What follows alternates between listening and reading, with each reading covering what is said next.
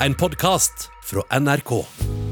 Du hører på Etikketaten med Kjersti Anderdal Bakken. Hvor eneste dag må vi ta valg. Noen er enkle, og andre kjennes umulige. Hvor uke inviterer vi et panel hit til Etikketaten for å diskutere noen av disse umulige valgene. Og I dag skal gjengen her prate om skal vi være åpne om hva vi får i lønn, eller bør vi la være? Og hvor ansvarlig er en for det en gjør i fylla, og hva skal til for at unnskyldninga di blir tatt imot? Torbjørn Røe Isaksen, før vi går i gang med å diskutere det temaet der, kan du huske en gang du har gjort noe skikkelig dumt som du angrer på? Ja, mange ganger. Vil du bjuda på en historie? Um, um, ja, altså jeg, kan, jeg husker, altså Apropos uh, fylla, den har jeg tenkt å spare. Men jeg husker en gang uh, kona og jeg var i, um, vi var i en uh, prosess med å få barn. Uh, og vi har, har, de to første de har vi fått hjelp med, som det heter. altså De er som prøverørsbarn.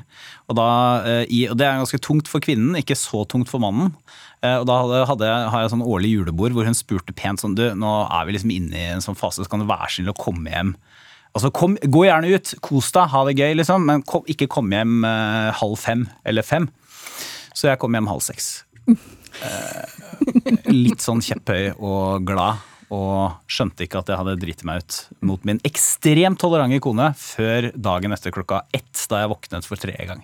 Da får vi inn i tilgivelsen som du kanskje ja. fikk eh, etterpå. Ja, jeg fikk, fikk, tilgivelse, men først da jeg skjønte at jeg måtte be om det. Så det krevde en runde med selvransakelse først. Og sånn er det jo ofte. Sånn er det gjerne. Eh, du er altså samfunnsredaktør i avisa E24. De fleste kjenner det som Høyre-politiker. Og ved din side sitter Anine Kjærulf. Jeg må bare si for ordens skyld at det er jeg, er ferdig med å være Høyre-politiker. Bare sånn ja, at folk eh, har, har, har, det klart for seg, da. det er lagt på hylla hylla.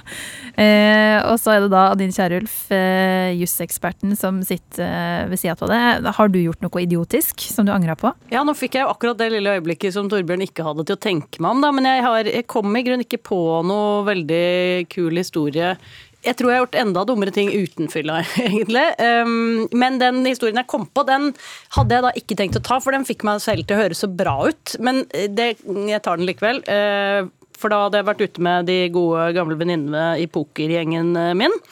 Eh, og eh, så var Jeg vet ikke. Det, det, blir ofte hyggelige og litt fuktige kvelder der. Eh, det er lenge siden vi spilte kort, så vi trenger ikke å konse så innmari om den pokeren lenger.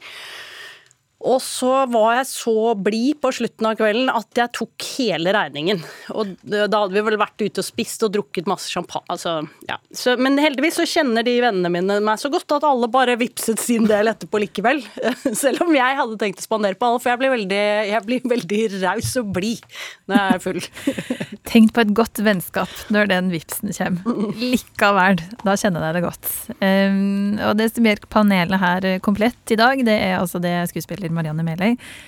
Har du gjort noe skikkelig dumt og kjent angeren komme smygende? Ja. Jeg har jo vært stor i kjeften mange ganger i fylla og sagt eh, ting som kanskje det var ei flis av sannhet i, som blir, kommer ut som en eh, morsken tømmerstokk, og som eh, jeg, jeg, heldigvis ikke husker så godt ofte etterpå. Eller det er jo synd, da.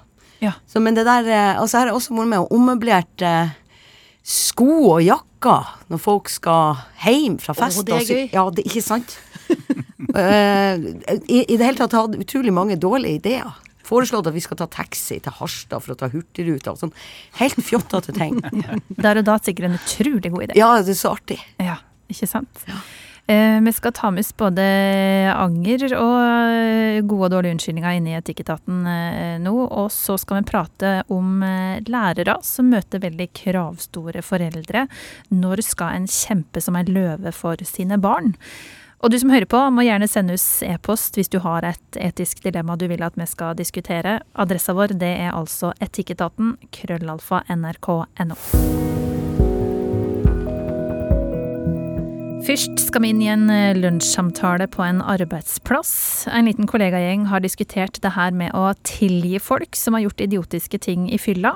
Temaet kom opp i samband med rettssaken mot fotballspilleren og TV-fjeset Bent Hulsker. Han ble da nylig dømt i retten etter at han i fylla kom med grov hets mot ei dørvakt, og det har han beklaga. Gjengen rundt lunsjbordet var uenig i om du kan skylde på alkoholen når du er idiot i fylla eller isse. Noen mente at det er lettere å unnskylde dårlig oppførsel i ruspåvirka tilstand enn om du gjør dumme ting når du er edru. Den andre gjengen mente at i fylla så kommer ditt eh, sanne eg til syne, og det gjør det vanskeligere å tilgi noe du har gjort i alkoholpåvirka tilstand. Og nå skal ikke det her handle om eh, Bent Hulsker-saken, men eh, generelt. Marianne, sorry jeg var full. Hvordan funker det som en unnskyldning, syns du? Nei, da må du lenger ned. Da må du også drive arkeologi i minnene dine. Hva, hva er du egentlig lei deg for? Hva var det du sa, og, eller det har jeg nå sjøl måttet ha gjort noen ganger, og sagt eh, ganske, vært ganske konkret på det. For det er jo som du sier at, sa i stad, at det er jo det her filteret som forsvinner, og det viser jo også forskninga at du er jo faktisk det sjøl. Det bare eh, tenker ikke over hvordan du burde oppføre det, og tenke litt mindre på konsekvenser. Ja, og gjerne en hang til misforståelser og overdrivelser, mm. som jeg har kjent sjøl, og at eh, Eh, det, det, skjer noe sånn dynamikk, og jeg kjente spesielt på fester eller lag eh, der det er litt lite mm, dynamikk eller andre ting som skjer. Eh, det er for mye setting ved et bord og prat. Og eh, kanskje for lite mat, eller kanskje for lite dans. Ja, ikke sant? Og så blir det for lite dansing, det blir for lite eh, Egentlig alt det andre som skal være med når du fester. Og da tenker du at nå er det på tide å fornærme noen? Nei, for å få litt liv. Ja, jo, det, jeg tenker jo ikke det, men det er jo kanskje den dumme delen av hjernen som får sånn Fy fader, det er kjedelig, det her. Eller, nei, det gjør jo ikke det. Men altså, det har noe Dette fins jo i På en måte Kanskje det er sannhet du vil ha fram eh, akkurat da. Altså, it seemed like a good idea at the time, men det er det jo ikke. Så Nei, ja. Men Torbjørn, hvor ansvarlig er han for sine handlinger i fylla, da?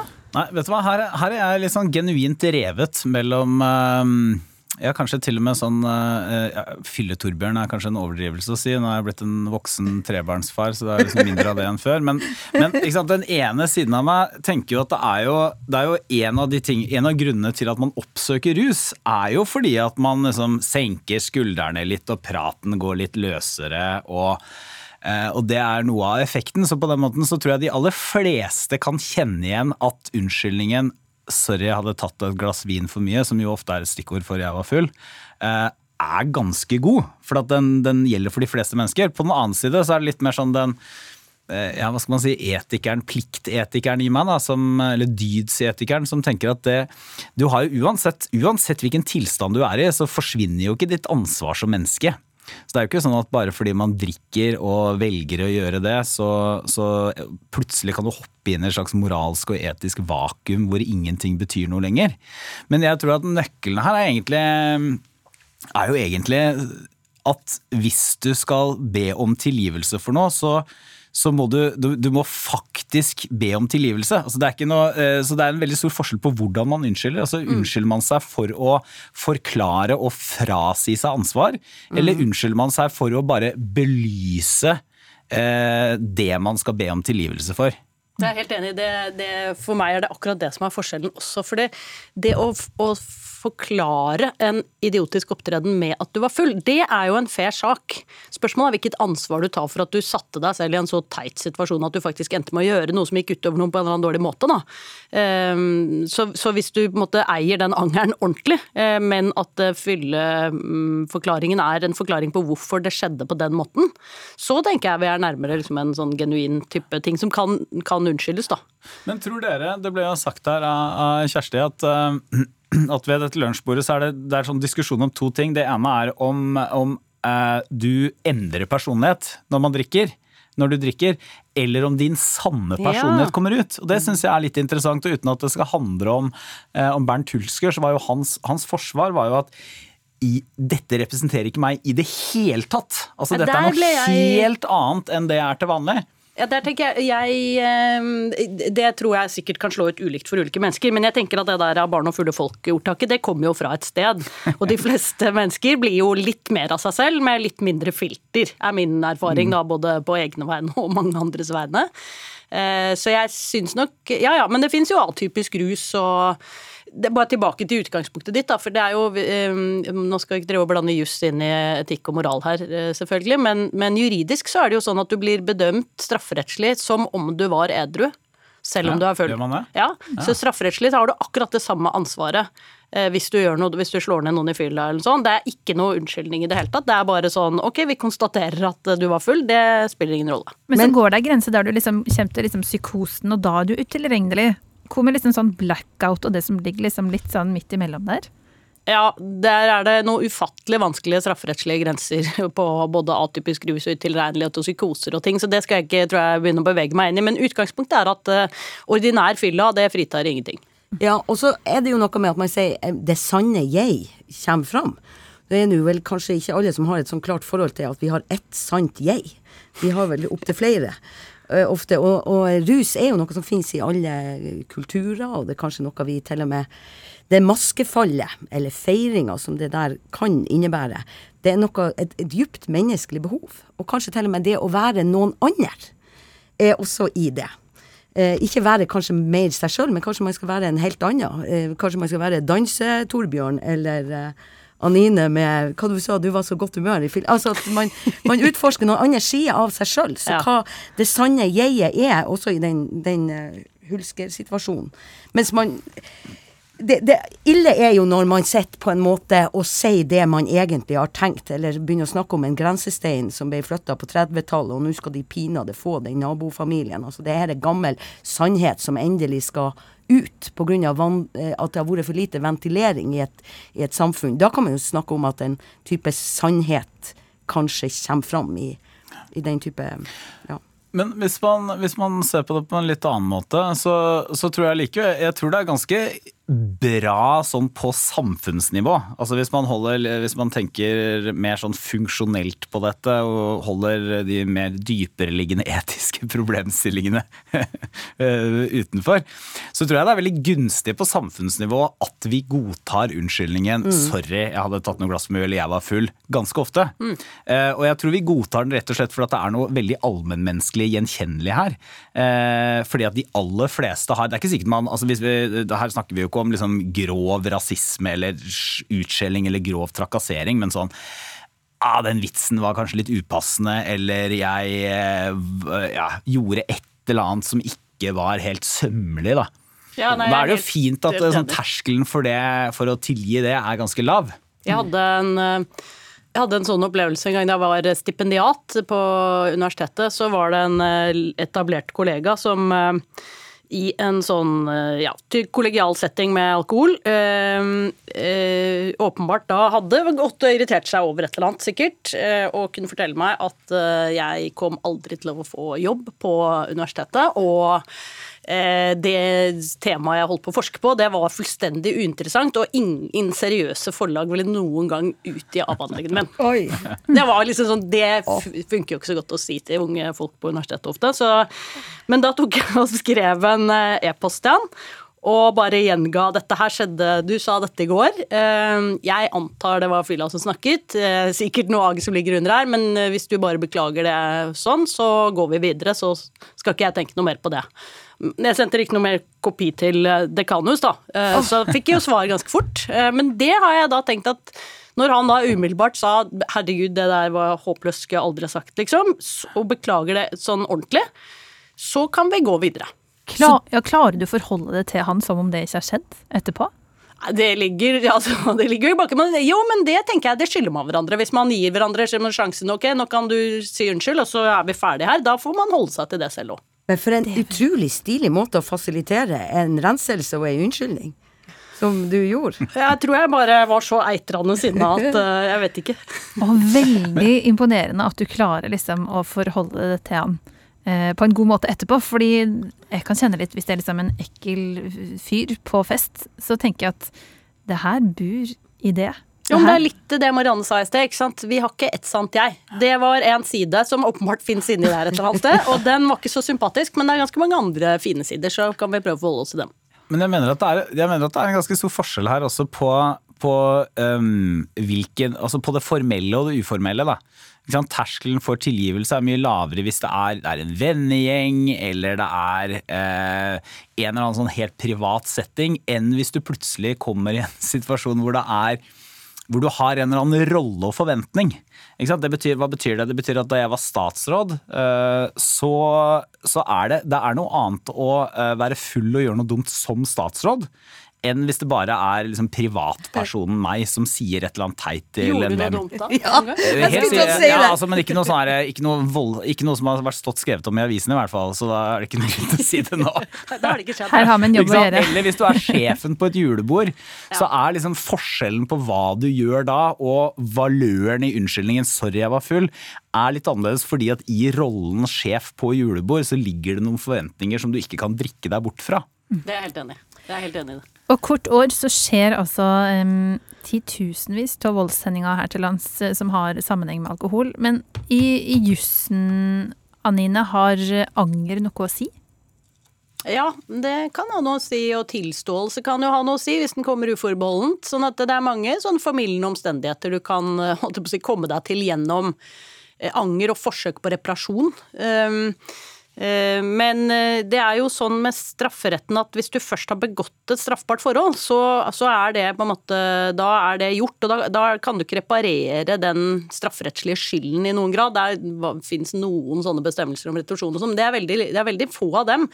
Men jeg tenkte ørlite grann på det. Nå, nå har vi jo snakket helt generelt om dette, og ikke den Hulsker-saken, og det tenker jeg i grunnen er greit. Men, men eh, jeg tittet litt på den, og der var jo noe av kritikken i ettertid, forsto jeg, at han ikke hadde Eller det tok lang tid før han sa unnskyld, da, så da ble det liksom enda verre, og det skjønner jeg jo. Mm, Men sånn som jeg leste dommen, så så hadde han på stedet, mens han da fremdeles var full og skjønte at denne showmodusen, som han selv mente at han var i, den ble ikke så veldig morsom, så hadde han beklaget.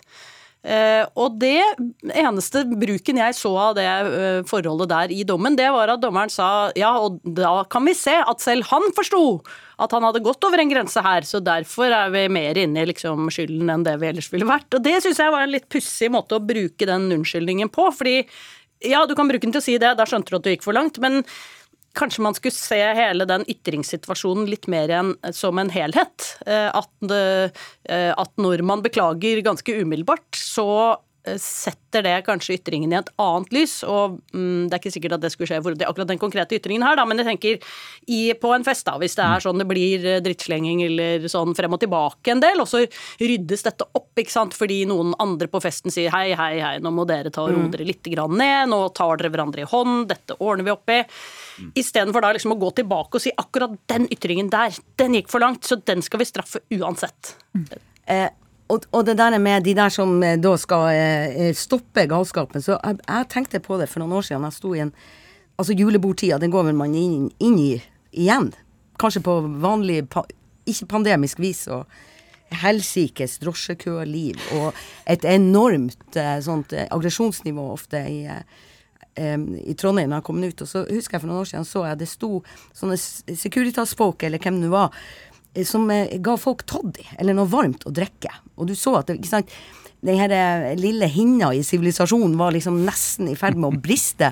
Så får folk avleda seg med å få en kopp varm noe, og så blir eh, taxikøen til å leve med. Og det har minnet meg så veldig om hva man gjorde på bygdefester når jeg vokste opp.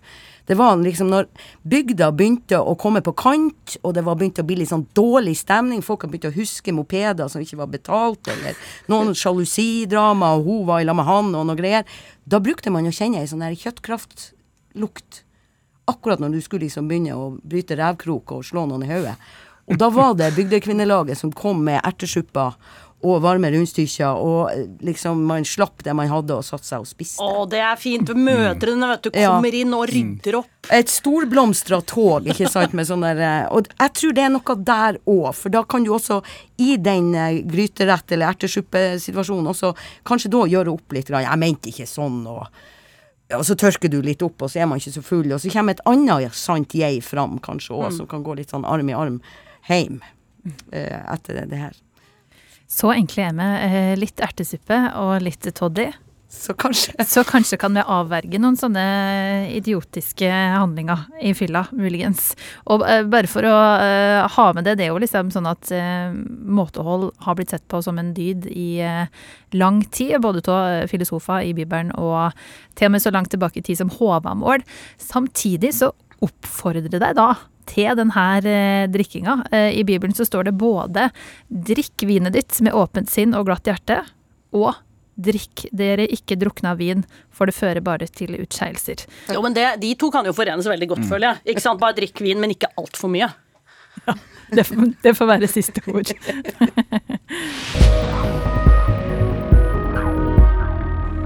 Nå skal det handle om eh, lønn, og det er jo eh, fristende å spørre dere om hva det tjener, men eh, norske som er, så gjør vi jo selvfølgelig ikke det. Men det går an å søke opp gjengen i skattelistene hvis en vil, uanonymt. Da Anine Kierulf, jurist, Marianne Meløy, skuespiller, og Torbjørn Røe Isaksen, redaktør.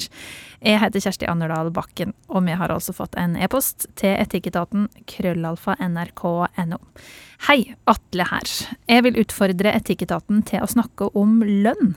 Jeg har inntrykk av at vi blir stadig mer åpne her til lands når det kommer til hva vi prater med venner, familie og kollegaer om.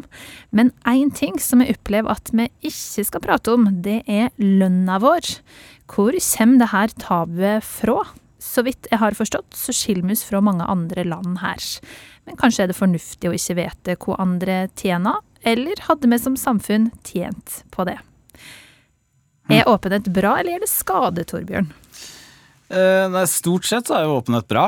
Eh, så er det jo her Det er, jo, er vel to forskjellige sånn idealer som står litt mot hverandre. Da. På den ene siden så er vi jo et samfunn som hyller åpenhet så til de grader. Altså, det er jo ikke måte på hva man selv personlig skal være åpen om i sosiale medier og sånn. Og for, for den bransjen som jeg er i nå, pressen, så er jo åpenhet alfa og omega. Men på den annen side så, så er det jo dette idealet som jeg tror henger sammen med et litt sånn norsk nøysomhetsideal. At eh, det å, det å pirke eller spørre om materielle ting, det er litt sånn udannet og ufint. Som kanskje igjen også speiler seg litt i at mange av de som har, eller jeg kan si mange av oss, som har god inntekt i Norge, har en sånn tendens til å, å være veldig opptatt av at jo, jo, eh, lønna er god, men vi er jo vanlige folk, og vi har vanlig bakgrunn og sånt. Som er en litt sånn naiv eh, forestilling om at eh, det at man har tilhører høyinntektsgruppene i samfunnet, ikke påvirker livet ditt. Selv om det er noen sånn brede kulturelle trekk som forener oss i Norge, så har det selvfølgelig noe å si for hva slags liv du lever, og ikke minst hvilken krets du omgås veldig ofte. Hva slags lønn du har.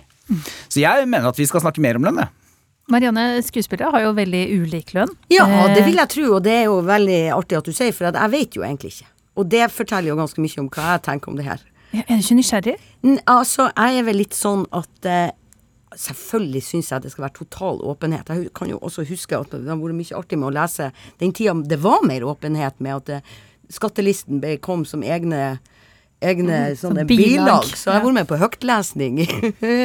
Å, Herren være lovet, han tjente mindre enn meg, eller dæken, han har søkk i sofaen for han er så lat og oppura Altså litt sånn satire rundt det der. Og kanskje sunt og jeg vel, Altså jeg er det der er transparens, og vi skal vite også fordi at eh, på struktur at kvinnfolk skal jo ikke sant, eh, likelønnskamp og mange ting. Men allikevel, eh, privat, så eh, prøver jeg å være så lite pengestyrt som jeg kan. Eh, for jeg har ikke lyst til å gi det der pengemonsteret eh, som finnes i oss alle, heller for mye næring eller kjekse. Jeg har ikke lyst til å snakke om penger. Så jeg gjør det jo nesten ikke. For hvor vekkes det det hvis du begynner å Ja, prate om lønn? Ja, jeg, jeg syns det er flaut. Jeg syns det er flauere enn en, eh, ja, sex. Nei, men altså, jeg syns det er kjempeflaut å snakke om hva jeg har tjent. Jeg, jeg, jeg skjemmes. Jeg føler ikke at jeg fortjener det jeg tjener. Og jeg vet ikke hva mine kollegaer tjener. Jeg ikke, og jeg burde jo vite, kanskje. Kanskje jeg er en Og skuespillere er ikke høyt lønna. Men er det kanskje sånn at dette tabuet eh, Ja, det er åpenbart i teaterverdenen, da, at det det er så flaut det er flauere enn sex, liksom. Men nei, jeg bare Om dette liksom er en issue hvis man tjener veldig mye, for da er man litt flau over å tjene så mye. Eller hvis man tjener veldig lite, for da er det på en måte Da er det litt sånn mindreverdig. Jeg vet ikke om det er sånn. Jeg ligger sånn Jeg føler ikke på noen måte at jeg ligger midt på treet. Jeg føler at jeg tjener masse penger, men i forhold til mange andre som har den samme utdanning sånn, så gjør jeg selvfølgelig ikke det.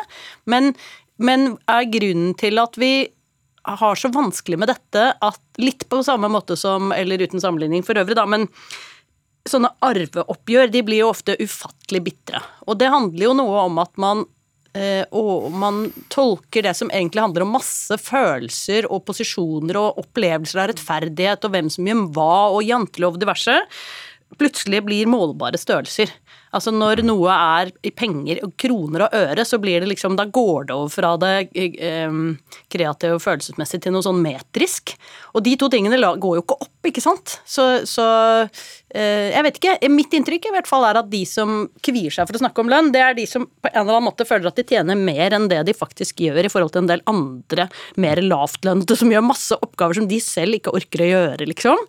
Eh, eller at man tjener eh, lite og på en eller annen måte skammer seg for det, som jo ikke er noe å skamme seg for, for da gjør man jo bare en kjempeinnsats for samfunnet uten å ta sin del, så det er så rart. Jeg vet ikke. Hva ville du gjort med redaksjonen din da, Torbjørn, hvis eh, det plutselig ble liksom slått opp på veggen hvor det forskjellige tjente? Altså Hvis det skjedde mot folks vilje, så ville det sikkert ikke vært så veldig eh, populært. da. Men jeg tror jo at uh, på en arbeidsplass så tror jeg det kan være veldig fornuftig å snakke om lønn. Ja. Og særlig på arbeidsplasser hvor det er et sånn element av individuell avlønning og sånn, så tror jeg det er veldig gunstig for arbeidstaker å snakke. Rett og slett fordi at det gjør at du kan, eh, du kan når du snakker, snakker, med sjefen, da, eller inn i, i den grad det er liksom individuelle lønnsforhandlinger også, så har du et eller annet å slå i bordet med, og du kan sammenligne og sånn. Eh, men eh, altså, i regjeringa som du var en del av, Solberg-regjeringa i 2014, så ble det ikke lenger anonymt å snoke i skattelistene. Ja. Hvorfor, hvorfor, kan vi ikke bare stå fram med, med fattigdommen og rikdommen vår? Hva var liksom argumentene da, når de kunne fjerne det? Jeg, tror, jeg, jeg, kan ikke huske det så godt. og det er jo, Her må jeg også si som de gamle AKP-ML-erne at hvor du sitter avgjør hvor du står. Så nå jobber jeg i åpenhetsbransjen, altså pressen, så nå er jeg forplikta til å si at alt burde være så åpent som mulig, også skattelistene. Men argumentet den gang var jo primært at ja, vi har en interesse av, som på samfunnsnivå, å få fram hva tjener, altså, hva tjener de som tjener godt. Eh, og der er det interessant også med individuelle skattedata. Eh, både på de rikeste og folk som har sjefsstillinger og de som er i maktposisjoner og sånn. Eh, når det gjelder liksom vanlige arbeidstakere i Norge, så er det vel tilstrekkelig, egentlig. Der, vi, altså vi, vet, vi, vet, hva hjelpepleiere i Norge tjener, eller bibliotekarer i Norge. Så der er det mer et spørsmål om sånn Trenger jeg vite hva Gerd og Stian og um, Eh, ja, eh, alle naboene mine tjener. Så det var vel en sånn diskusjon om rett og slett åpenhet versus privatlivet. Da. Eh, så, så jo, Det har vært disse skattesakene på Stortinget. Jeg var en av dem som fikk sånn, både justert skatt og en sånn tilleggsskatt. og der, der har det vært et veldig viktig poeng for mange å si at skatt er et forhold mellom den enkelte og myndighetene. Eh, så det er mulig det har noe med det å gjøre, også selve den skattelistediskusjonen. Eh, at det ikke bare er liksom eh, snoking, men at, at, det er tross alt det er et forhold mellom deg og myndighetene på en eller annen måte. Men hva betyr det? For jeg, altså, jeg skjønner det der med liksom nei, Det betyr rett og slett at det ikke er korrespondansen er ikke offentlig. altså Det er underlagt taushetsplikt og sånt, på samme måte som andre ja. ting. Men det som kan fremkomme, det er jo enten at du er eh, hva skal vi si, kommunitær, eh, kommunitær og ikke selvopptatt eh, eller rasjonell aktør, da, sånn at du betaler mer skatt enn det du måtte. Eller at du er liksom sånn skattesjonglør som gjør at du mm. hele tiden betaler veldig lite skatt i forhold til hva du egentlig tjener. Men så er det sånn ja. Mm. Ei, ei undersøking Aftenposten gjorde for vel å merke ti år siden, viste at over 60 ønska åpenhet om lønn på arbeidsplassen. 22% ville ikke ha noe åpenhet. Eh, men hvordan kan det skje, eh, Marianne, at vi liksom havner der at vi snakker om det? Jeg, jeg lurer på om jeg ikke har så veldig lyst til å sitte og ha samtaler med folk om hva de tjener. Nå snakker jeg kanskje mer om, om For det er litt sånn som så Anine snakka om det der med at følelser eller hvordan du blir målt, det er liksom vårt samfunn sin måte ofte å si hva du er verdt mm. som borger. Sånn at den følelsen ut av at du skal kjenne at du har verdi ut av hva du tjener Jeg vil ikke Jeg, jeg har ikke lyst til å være i det eh, den følelsen der. Jeg, jeg, må være styrt av andre ting. Og det er jo kanskje derfor jeg jobber med det jeg gjør. Hvis jeg skulle være veldig rik, så hadde jeg kanskje gjort noe. Altså, det handler jo òg om at eh, kanskje jeg er i den kulturen, for at jeg ikke er så eh, Men det går ikke an å være sånn. Jeg burde skjerpe meg. Jeg burde på en måte For jeg syns ikke man skal snakke om det her uten å komme inn på eh, rettferdighet. Med fare for å høres ut som, eh, som en eh, som en kommunist, så er det jo Oh. det, er jo også, det er også noen som tjener på at, uh, at eh, vanlige folk ikke Ja. snakker om lønna si. Ikke sant? Så hvis man syns, eh, syns det er liksom uanstendig å prate om, og det betyr at uh, plutselig så, plutselig så har man lavere lønn enn man ellers skulle hatt, da. Så er jo det et uh, problem. Og så syns jeg også at det er Jeg syns jo at folk som tjener mye, selvfølgelig må de også forsvare lønna si. Og i hvert fall på en arbeidsplass. Eh, Og hvis du, hvis du ikke er i stand til å forsvare at du har en toppleder med millionlønn sånn at eh, altså på en skikkelig måte, så er det sannsynligvis ikke noe grunn til at den topplederen har millionlønn. Ja, og det er vel kanskje noe der som jeg syns er em, Noen ganger når jeg har lest hva er det de her superrikingene eh, tjener, og hva de har i bonuser og fallskjermer Altså science fiction for meg, men i tillegg så tenker jeg hva de har tatt for seg av fellesskapet. Hva de har ødelagt av natur, f.eks., kan jeg også sitte og gasse meg og tenke noen tanker om. For hva er det For, for lønn snakker bare om penger. Og så er det ganske mange verdier vi har i det samfunnet, verdier som kanskje til og med er i fare, som ikke kan eh, på en måte eh, inn i det der eh, ensidige pengefokuset, da. Så at jeg ønsker vel at man snakker om flere bunnlinjer enn bare den her Ja, og så syns jeg, jeg kanskje i den grad mm, Ja, misunnelsen er stor og janteloven. Det er masse sånne ting. Og den følelsen av rettferdighet som du nevnte, Marianne, tror jeg er ganske viktig. ikke sant? Du føler at det, det er Hvorfor i all verden skal en eller annen toppleder som sitter og flytter papirer eh, Ok, han har kanskje noe ansvar for et eller annet, tjene så mye mer enn en hjelpepleier som tross alt Ja. liksom har ikke fleksibilitet, masse smuss Det er liksom Ja, en helt annen situasjon. Um, så jeg, jeg tror kanskje det der å bare Eh, hvis man heller kunne Kan man ikke fokusere på hvor mye folk betaler i skatt, da? Det er jo liksom mye edlere tall. Jeg syns lønn er så jævla kjedelig.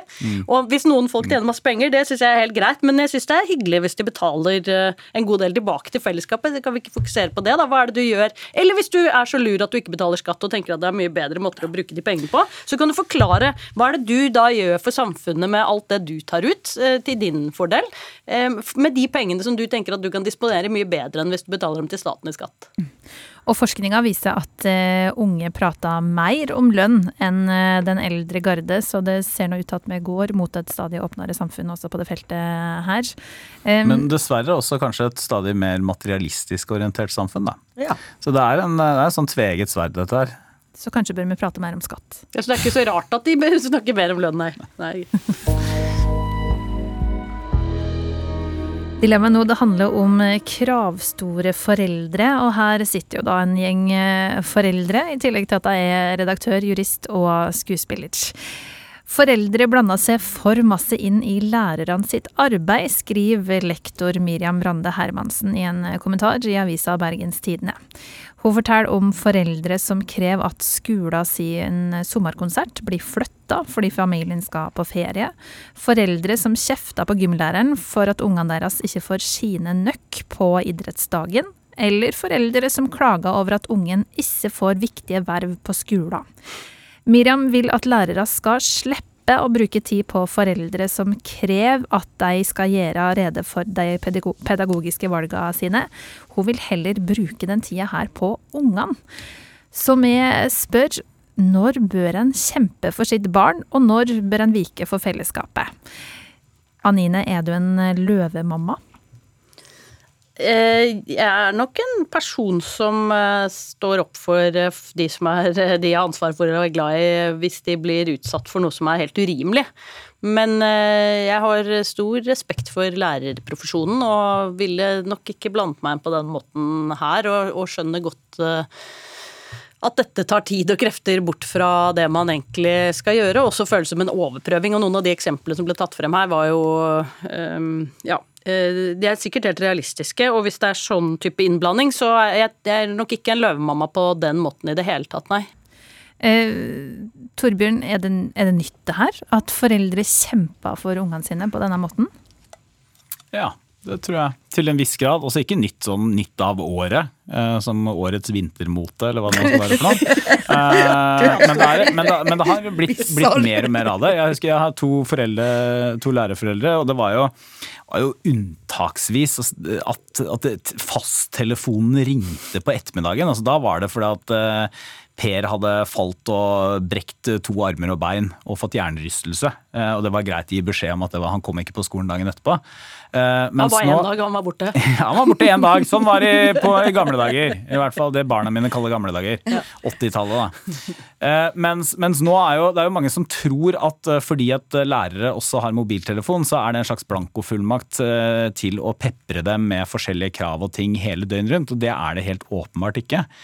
og den der tanken om at alle skal få en maksimal tilrettelegging for sitt eget barn, det er et sånn pussig utslag av en sånn samfunnsindividualisme individualisme som mm. jeg syns er, er rett og slett dum og skadelig. Eh, når det er sagt, da, så mener jeg at det var, det var en ting du sa som, som, som jeg allikevel er uenig i. For at jeg mener at lærerne Og jeg er ikke sikker på om, om, om det er det liksom Miriam mener heller. For det, jeg mener at De skal slippe alt mulig sånn. altså Det er ikke noe overgrep mot barna hvis de, de liker ikke pølse, eh, eller de eh, ikke blir elevrådsleder, eller eh, ja, et eller annet av disse mange tingene. Eh, men, men, at lærere skal redegjøre for sine pedagogiske valg mm. i det store. Det mener jeg faktisk er ganske viktig. Å ta ett eksempel som jeg er ganske opptatt av i skolen. Nå er det en, sånn, en massiv innfluks av sånn digitale verktøy rundt på mange skoler i Norge. Jeg vil som forelder gjerne høre hvorfor mitt barn blir bedre til å lære seg å lese, og skrive og regne, eller trives bedre på skolen av å få en iPad måkt inn i hendene sine fra første dag. Det, det, sier seg vel litt selv at jeg er ganske kritisk til det. Da. Men jeg, jeg vil gjerne høre liksom gode argumenter for det. Fordi at jeg vet som en engasjert forelder at dette er omdiskutert. Men det er noe helt annet enn å, å, at eh, barna mine skal liksom seile inn på et rekesmørbrød og ha individuell tilrettelegging på alt mulig stort og smått. Det skal de jo selvfølgelig ikke. Men skal den enkeltlæreren der svare på det der pedagogiske paddespørsmålet ditt? Ja, skolen må gjøre det. Skolen, ja. Og, og hvem er ja. det? Nei, altså det, det, det, gjør man jo på foreldremøter og foreldreutvalg og sånn. Og så er den andre gruppa jeg mener skal stå på krava sine, det er jo de som har barn som, som har ordentlige mm. utfordringer og problemer. Altså Jeg har møtt så mange foreldre som har enten barn med store læringsvansker som ikke er oppdaget, barn som har blitt utsatt for mobbing systematisk, og som liksom må slåss og slåss og slåss mot systemet. Og det må, det må for, dessverre så må foreldre få gjøre det. Men det er to helt forskjellige ting, altså. Ja, og jeg tenker bare til det siste du sier der, jeg er helt enig i det. Og, men det er jo typisk sånne saker som da blir skjøvet videre oppover til en eller annen pedagogisk leder eller inspektør eller rektor. Og det er jo der de eh, kasteballene blir, eh, ja. blir foretatt, og hvor det eh, det er også min erfaring ut fra de eksemplene jeg har hørt. Gjennomgående løses på veldig, veldig mangelfulle måter. Men eh, hvem er det som skal passe på fellesskapets interesser da, Marianne? Er det liksom læreren? Ja. Og skolen. og samfunnet. Og jeg tenker på det herlighet hvor mange oppgaver den skolen og lærerne har fått. Altså fra å være sånn eh, ja, jeg si, førkrigsaktig eh, en bygda store mann som skrev nasjonale helteepos på fritida. For det hadde han jo, til å bli en hardtarbeidende team kvinnfolk som sitter og presser som en kjøttrull fra alle, alle plasser om alt man skal være som lærer, og for dårlig lønn òg, ja. Eh, sånn som jeg har forstått det. Sånn at, eh, eller det vet jeg jo. Um, sånn at det er fellesskapet. Men jeg tenker òg veldig på eh, Jeg får sånn empati for de her ungene. For at hvis det er Hvis du har den der eh, kravstore forelderen som kanskje dukker opp der den ikke skal, og begynner å si at mitt barn skal ha det, og sånn. Så tenker jeg gud, så pinlig for den unge. De er alltid altså, fra Bergen, de foreldrene, er det sånn? Nei, det, det var på grunn av at jeg tror det sto i Bergens Tidende, okay. det leserbrevet. Så det var ikke krenkende.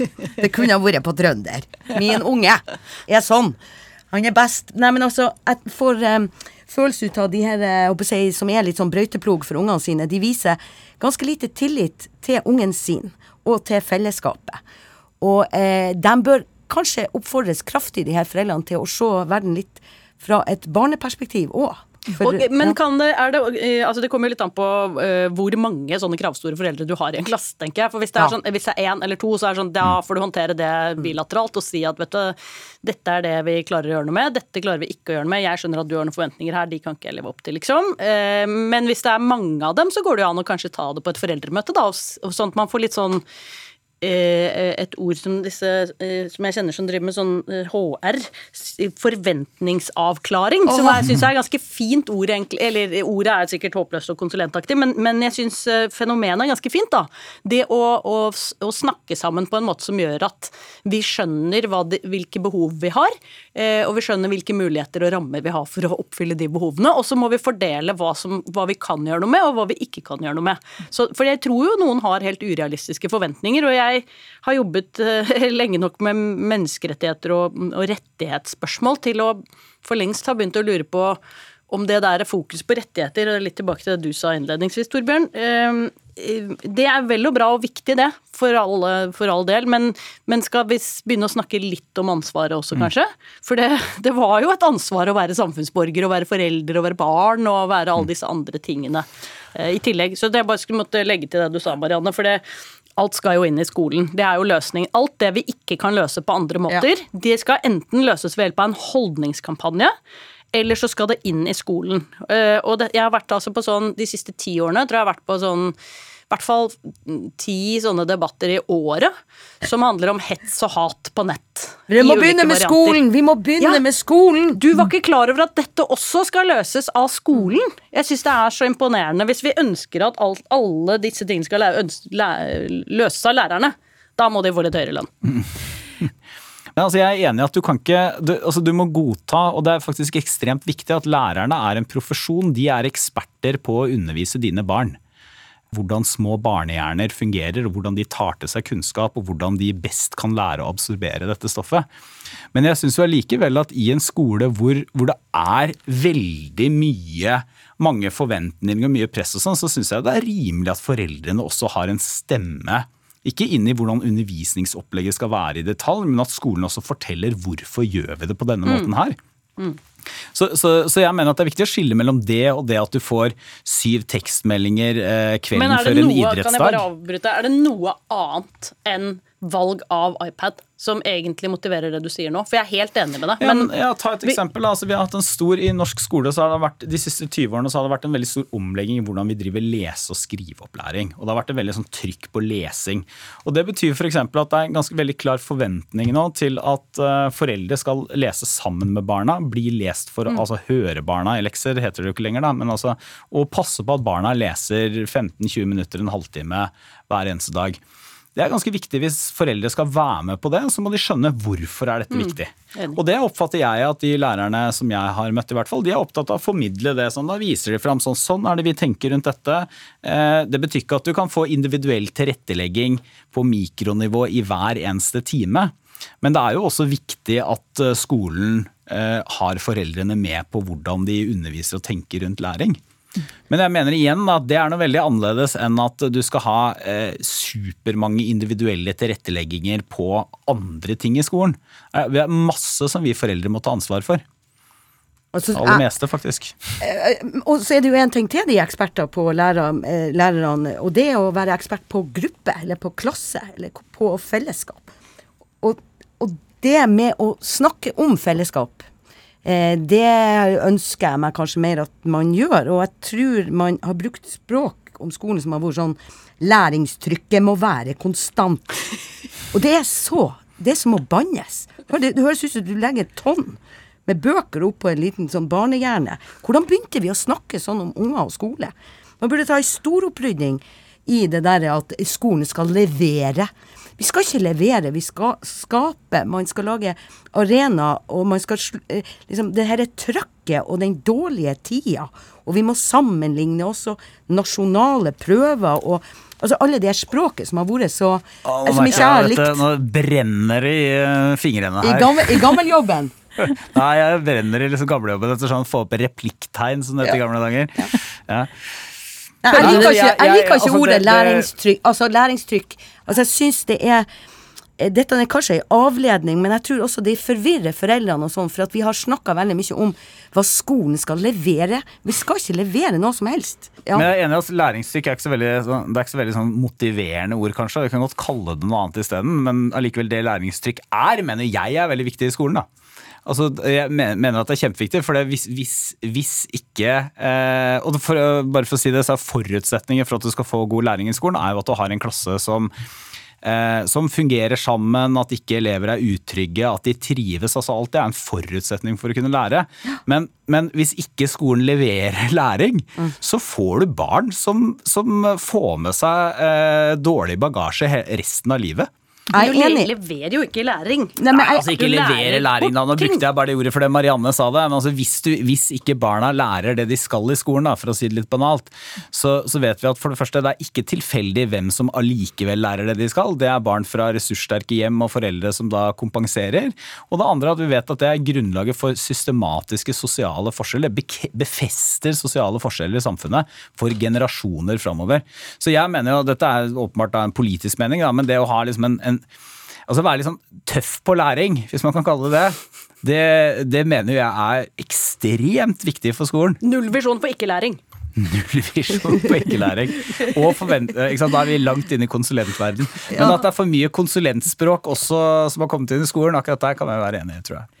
Men hva ville du gjort uh, hvis du var lærer da, Marianne? Og møtt vært det her kravstore foreldra. Ja, hva gjør du da i sånne situasjoner? Du, jeg har vært ufaglært eh, lærer eh, for, for veldig lenge siden. Og eh, jeg husker Det var jo en del sånn ganske kraftig eh, kristendom eh, der jeg var lærer.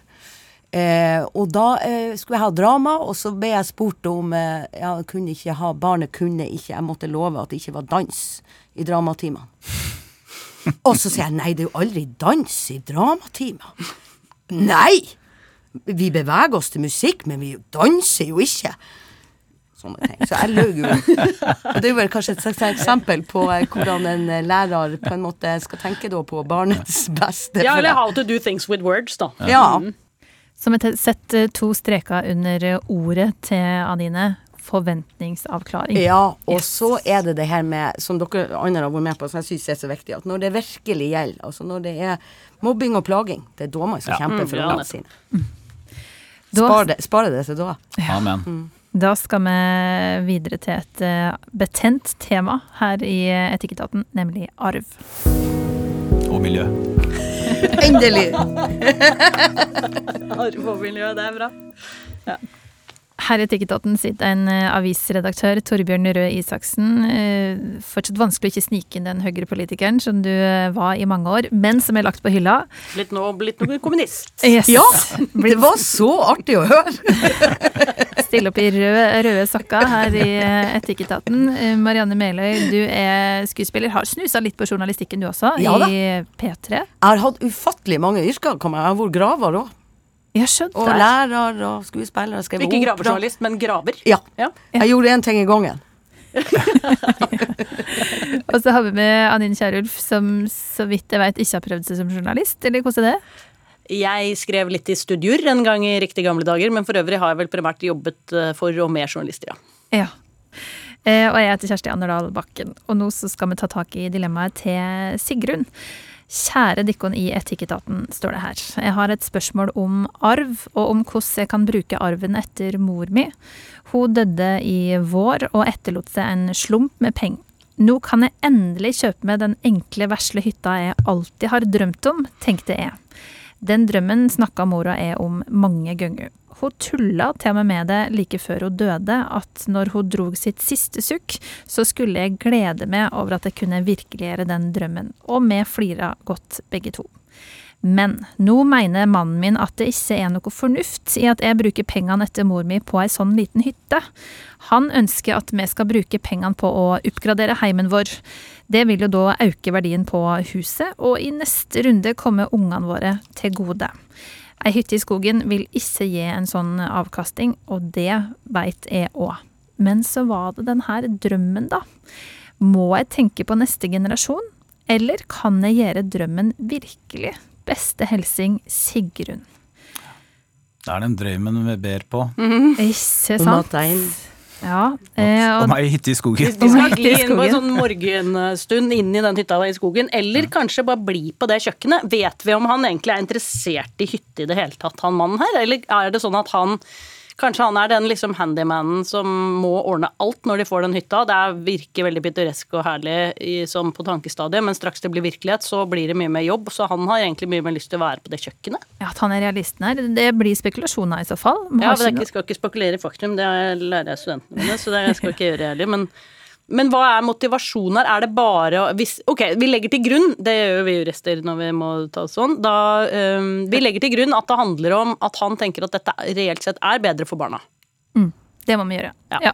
Um, Men da tenker jeg jo eh, Er vi sikre på det? Jeg legger det ikke helt til grunn med at økonom økonomisk så skjer det jo så mye rart eh, akkurat nå, og vi er jo i dirrende vanskelige tider, kanskje, framover. Kanskje nettopp ei sånn der litt sjølbergende lita hytte i skogen er den aller beste investeringa nå for de ungene. Preppermekka. Ja. Og at hun- at de skal finne fram en spade, og kalle en spade for en spade, og begynne å dyrke noen gulrøtter. Og. Ja. Men det første jeg tenkte var at Jeg tror hun får bruk for denne hytta. Når mannen er så på bakbeina, så kan det være bra for henne å dra dit iblant. Altså det, Det var var kanskje litt, eh, eh, voldsomt. Nei, men det du sier, Mariann, det er jo Det var det en av de tingene jeg også tenkte på. For det er jo ikke så godt alltid å planlegge Vi vil det beste for barna våre, de fleste av oss vil det beste for barna våre. eh, Men det er jo ikke alltid så godt å planlegge hvordan de får det best. Og av og til kan det jo være sånn at det ikke å vente på arv, men å få noe tilskudd underveis kan være fint. Det er jo mange variabler her, og du, du vet liksom ikke helt hvilken retning ting går.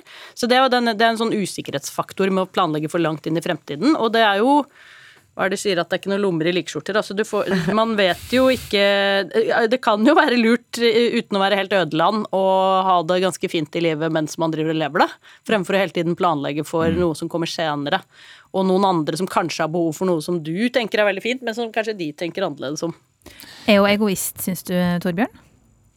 Nei, eh, eller til en, til en viss grad, selvfølgelig. Men, eh, men jeg, jeg, det er ikke sikkert at det er feil. Altså, for jeg, jeg synes på den ene side så syns jeg, jo- jeg synes jo dette med arv er Jeg synes det er så vakkert. Og dette har bare noe med mitt sånn konservative grunnsyn det er at du, du, du gir noe videre til neste generasjon, men da er jo ikke det liksom en sånn pengesekken, men som du har en hytte eller et hjem eller en virksomhet eller et skap eller noe som symboliserer Et En nyoppusset kjøkken. Ja, ja Nypusset kjøkken kommer liksom ikke helt opp, opp der.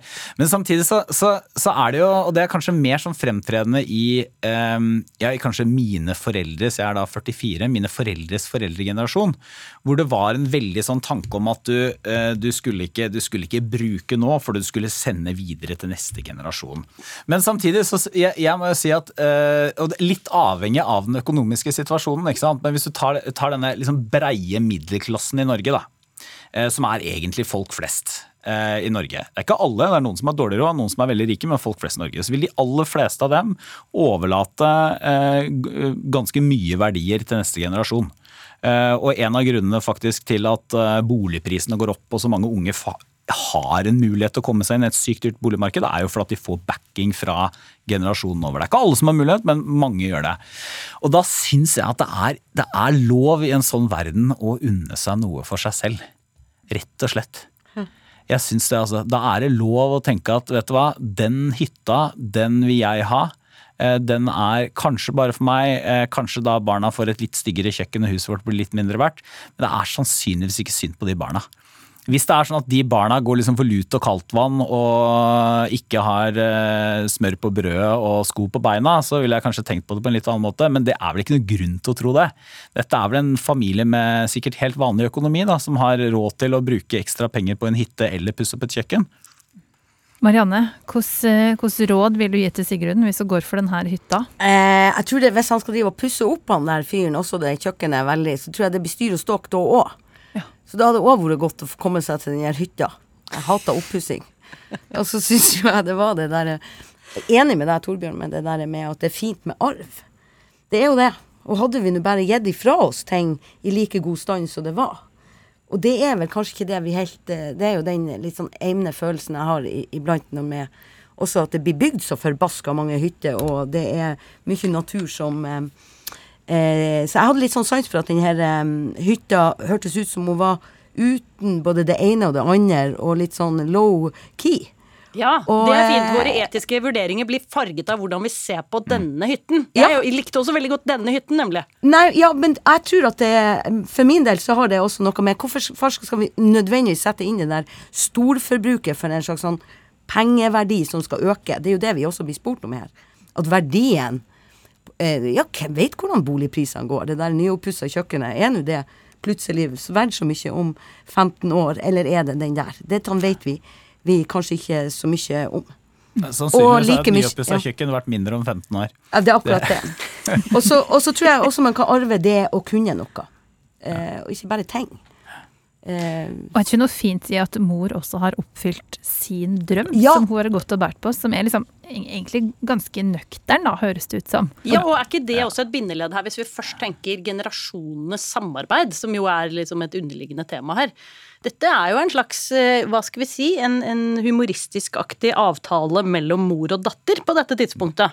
Hvor hun egentlig realiserer noe som, eh, som, som de har tenkt på sammen. ja. Og kanskje det blir en kjær hytte også for eh, begge barna eller ett av barna eller noe sånt. Så, så jeg ville sagt at uh, gitt, gitt at dette er en familie med normal økonomi, og det må man anta, til og med ganske grei økonomi, siden man da kan bruke det uh, på å pusse opp eller kjøpe en hytte, så er det all grunn til å tro at disse barna kommer til å bli godt ivaretatt uh, den dagen man går bort. Og da er det lov å unne seg en liten nøktern hytte i skogen. Og Koselig, det, det verbet Ta med deg en flaske rødvin nå. Gjør det. Bare Altså, ikke gjør noe dumt i fylla som du må få tilgivelse for. Det er akkurat det. Men så sto det der 'vi flirer'. Så tenker jeg det her familien kan noe, og mora der hun kunne noe med å flire. Og det må de ta vare på, uansett være en plass der de kan flire i lag. Og det gjør jo drømmen enda finere Ja. at det her støtta eh, mormor i sin tid, at vi skulle kjøpe denne hytta i skogen. Ok, Um, klar tale egentlig fra Etikketaten, så får vi se om uh, hun uh, går for denne drømmehytta i skogen eller ikke, som Marianne allerede ser for seg, som jeg håper at den finnes der ute på markedet. Eh, og deg du har hørt stemmene til i dag her i Etikketaten, nå skal vi altså sette punktum. Det er jurist tilsett tilsatt ved Universitetet i Oslo, Anine Kierulf, Torbjørn Røe Isaksen, samfunnsredaktør i avisa E24, og skuespiller ved Trøndelag Teater, Marianne Meløy. Og hvis du har lyst til å se Etikketaten live, så er vi altså på plass på Ole Bull scene i Bergen søndag 6. november klokka 19. Og vi kan annet lokke med Trond-Viggo Torgersen i panelet. Kjersti Annerdal Bakken heter jeg, og vi høres igjen snart. Du har hørt en podkast fra NRK. Hør flere podkaster og din favorittkanal i appen NRK Radio.